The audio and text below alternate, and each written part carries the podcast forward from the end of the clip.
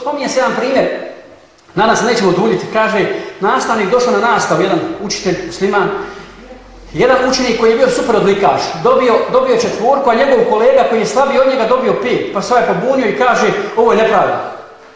Kaže mu učitelj, zašto nepravda? Kad ja dobio pet, ja sam bolji od njega, ovo je za pet. A, on dobio, a ja dobio četiri, a on dobio pet. Kaže, nema problema, ti će sutra dobiti pet, za kraj školske godine, ako ispuniš jedan zadatak koji će Kakav? kako mi doneseš zemlje i ženeta. Djeca se sva čude, čude zemlje i ženeta, ovaj neće nikad dobiti pet u životu. Dijete je otišlo u kući, došlo sutra dan s kesom, nosi kesu u ruci, šta ti je to kad je zemlja i ženeta? Ovo pa je obično, kao je obična zemlja. Kaj jeste, nije to obična zemlja, to je zemlja i ženeta. Pa je kako? Pa kao ja sam tu zemlju uzeo ispod nogu moje majke, gdje ona stajala. A ti si nas naučio učitelju hadis, gdje se ne kaže dženet je pod majčinim nogama. Dakle, evo ti, evo ti prije za kraj školske godine.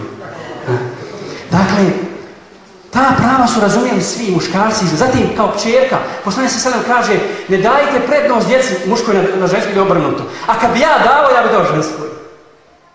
A kad bi dao prednost, ja bi dao, ženskoj djeci. Kad bi se sada odgoji dvije čerke i lijepo i uda, nađe im lijepe mulhajlinu uževe, to mu je zašto dva, tri.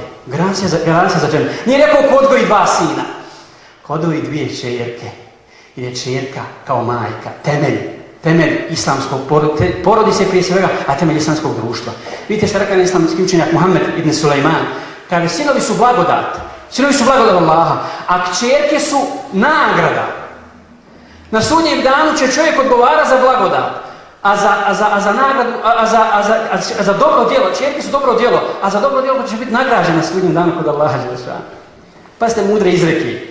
Blagodat su muškarci, ali su to tu blagodat. A čerke su dobro djelo i za nje će dobiti nagradu kod, kod, kod gospodara svjetova. Zatim kao supruga i, i tako dalje. Poslanik se sela oporučuje ženama, kaj bojte se Allaha i čuvajte pravo i čast vaših žena. Bojte se Allaha u pogledu žena i kažu islamski s imam Buhari bilježi za da su govorili, poslanika sa sada nikada nismo vidjeli da se tako srdi ljuti, da toliko srđbu izražava, ko kad bi čuo da neki musliman udara svoju ženu.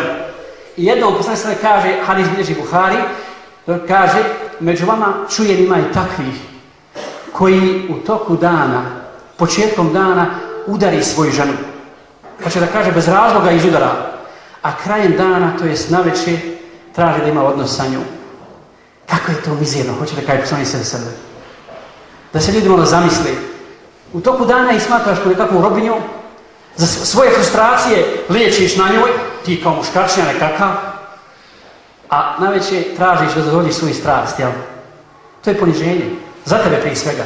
Ne za ženu, ne za, ne ženu, što se pušaš na pekavinu. Zatim, danas se mnogo govori o obrazovanju, o, uči, kako islam ne da da se žene obrazuju i, tako dalje. Wallahi, braći i sestre, mogli bi čitavu noć govoriti o tome koliko je žena muslimanki kroz istoriju podržava. Ne samo sahabiki, samo govorimo o sahabikama. Ja ću navesti samo nekoliko primjera. Mnogi su islamski autori pisali takozvane biografije. Recimo, e, Ibn Hajar Askalani i njegov učenik Sahavi su pisali biografije islamske ličnosti iz 14. i 15. stoljeća. Jedan od njih napisao biografije 5204 e, uglednih ljudi, od kojih je 198 bilo žena. Drugi je napisao 11.690 biografija, od toga 1075 žena, uglednih žena 14. 15. stoljeća u Kairu, u Medini, u Meki, u Damasku i tako dalje. I Sahavi spominje jednu od tih, jednu od koja se zvala Umihana, koja je rođena 1376. godine, 1376. godine, u 14. stoljeću.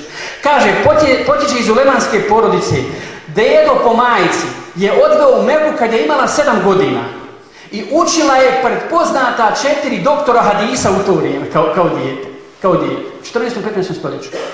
Nisu, nije bila sahavnik. I kaže, naučila je Kur'an na pamet vrlo rano. Ona je bila jedna od 68 žena pred kojima sam ja učio hadis. A bio poznat učenjak Jedna od 68 žena pred kojima sam ja učio hadis. Gdje su danas muhaddisi žene? Gdje za nas mu fesiri žene? Ko je to učinio nepravdu u ženi, muslimanki? Otkud u 14. 15. Otkuda Aisha kao najveći muhadis u islamskom svijetu općenito? Od ashabiki, tabiki, pa tako, pa, pa, tako dalje. Zatim, Hafsa bintu Sirin, sestra poznatog, poznatog učenjaka ili Sirina. On kad bi neko njega pita neko fiksko pitanje, kad otičite Hafsi, ona to bolje od mene zna. Moje sestri, ona bolje, ja od nje učim, ja od nje učim, ja od nje učim. Idite kod njih. Imala je sluškinju pa se je pitali bogati kako vidiš Hafsu. Kaže, tako mi Allaha, učena je i pobožna, ali izgleda da je počinila jedan veliki grijeh. Pa kaj zašto kaj cijelu noć klanja i plaće. Toliko je bila pobožna žena. Nešto je krupno učinila kaj dok u noć kaj klanja, klanja, i plaće. Nismo da je samo učene, nije da samo biti nego primijenite u, u svojoj vlastnoj praksi. Vlastnoj praksi. Zatim, Amra binti Abdurrahman, učenica Iše radijallahu ta'ala. Zatim kćerka Sejde ibn Museljeva, poznatog tabina, udala se babo i udao za svog učenika. I nakon, ba, prošlo je sedam dana od njihove svadbe, on se oprema izutra i kaže, pita ona gdje ćeš? Kad idem kod tvog babi da učim, predim on je moj Kad je sjedi, ovdje ćeš učit. Ono što zna moj babo, znam i ja. Kod mene ćeš, kod mene ćeš učiti. Dakle, tako, Takvo je bilo obrazovanje. Ka, u kasnim generacijama, u 18. u 19. u 20. stoljeću, 21. stoljeću, nema u biografijama muslimanskih takvih žena. Danas naše muslimanke sestre završavaju fakultete, islamske fakultete. Ja ne znam ženu koja predaje hadis, koja predaje fik, koja, a da ne govorim da je, da je pravi učenjak, da je se usavršila u tome. Zašto, subhanallah? Zašto?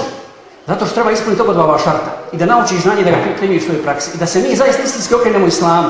A islamski učenjaci koji su pisali o toj i renesansi u 15. stoljeću, šta su rekli? Gdje su našli uzrok toj renesansi? je tada su žene, kaže Ibn Hajar, tada su žene mnogo čitale biografiju Aisha Allahu ta'ala. I ona im je bila inspiracija da, da pođu učiti hadis, da pođu učiti hadis i da postanu tako veliki učenjaci. E ja molim Allaha da i ova knjiga bude inspiracija o ashabikama, o iši osnovnim ashabikama, inspiracija današnjim muslimankama, pa da zaista upoznaju islam na izvoru od žena od kojih treba da ga upoznaju, koji su ga u svom životu primijenili i da ga i one primijene i da to ponesu sa sobom i da prenesu na naše buduće generacije. Jer bez dobro odgojenih muslimanki nema islamskog društva. Nema islamske porodice, a kao islamskog društva. Molim Allaha da nas pomogne na putu Islama, da ubrza pobjedu svoje istine, da nas uči istinim vjernicama i vjernicama, da nam podari istinsko razumijevanje vjere, da nam oprosti grijehe i da nas uđenete. Amin.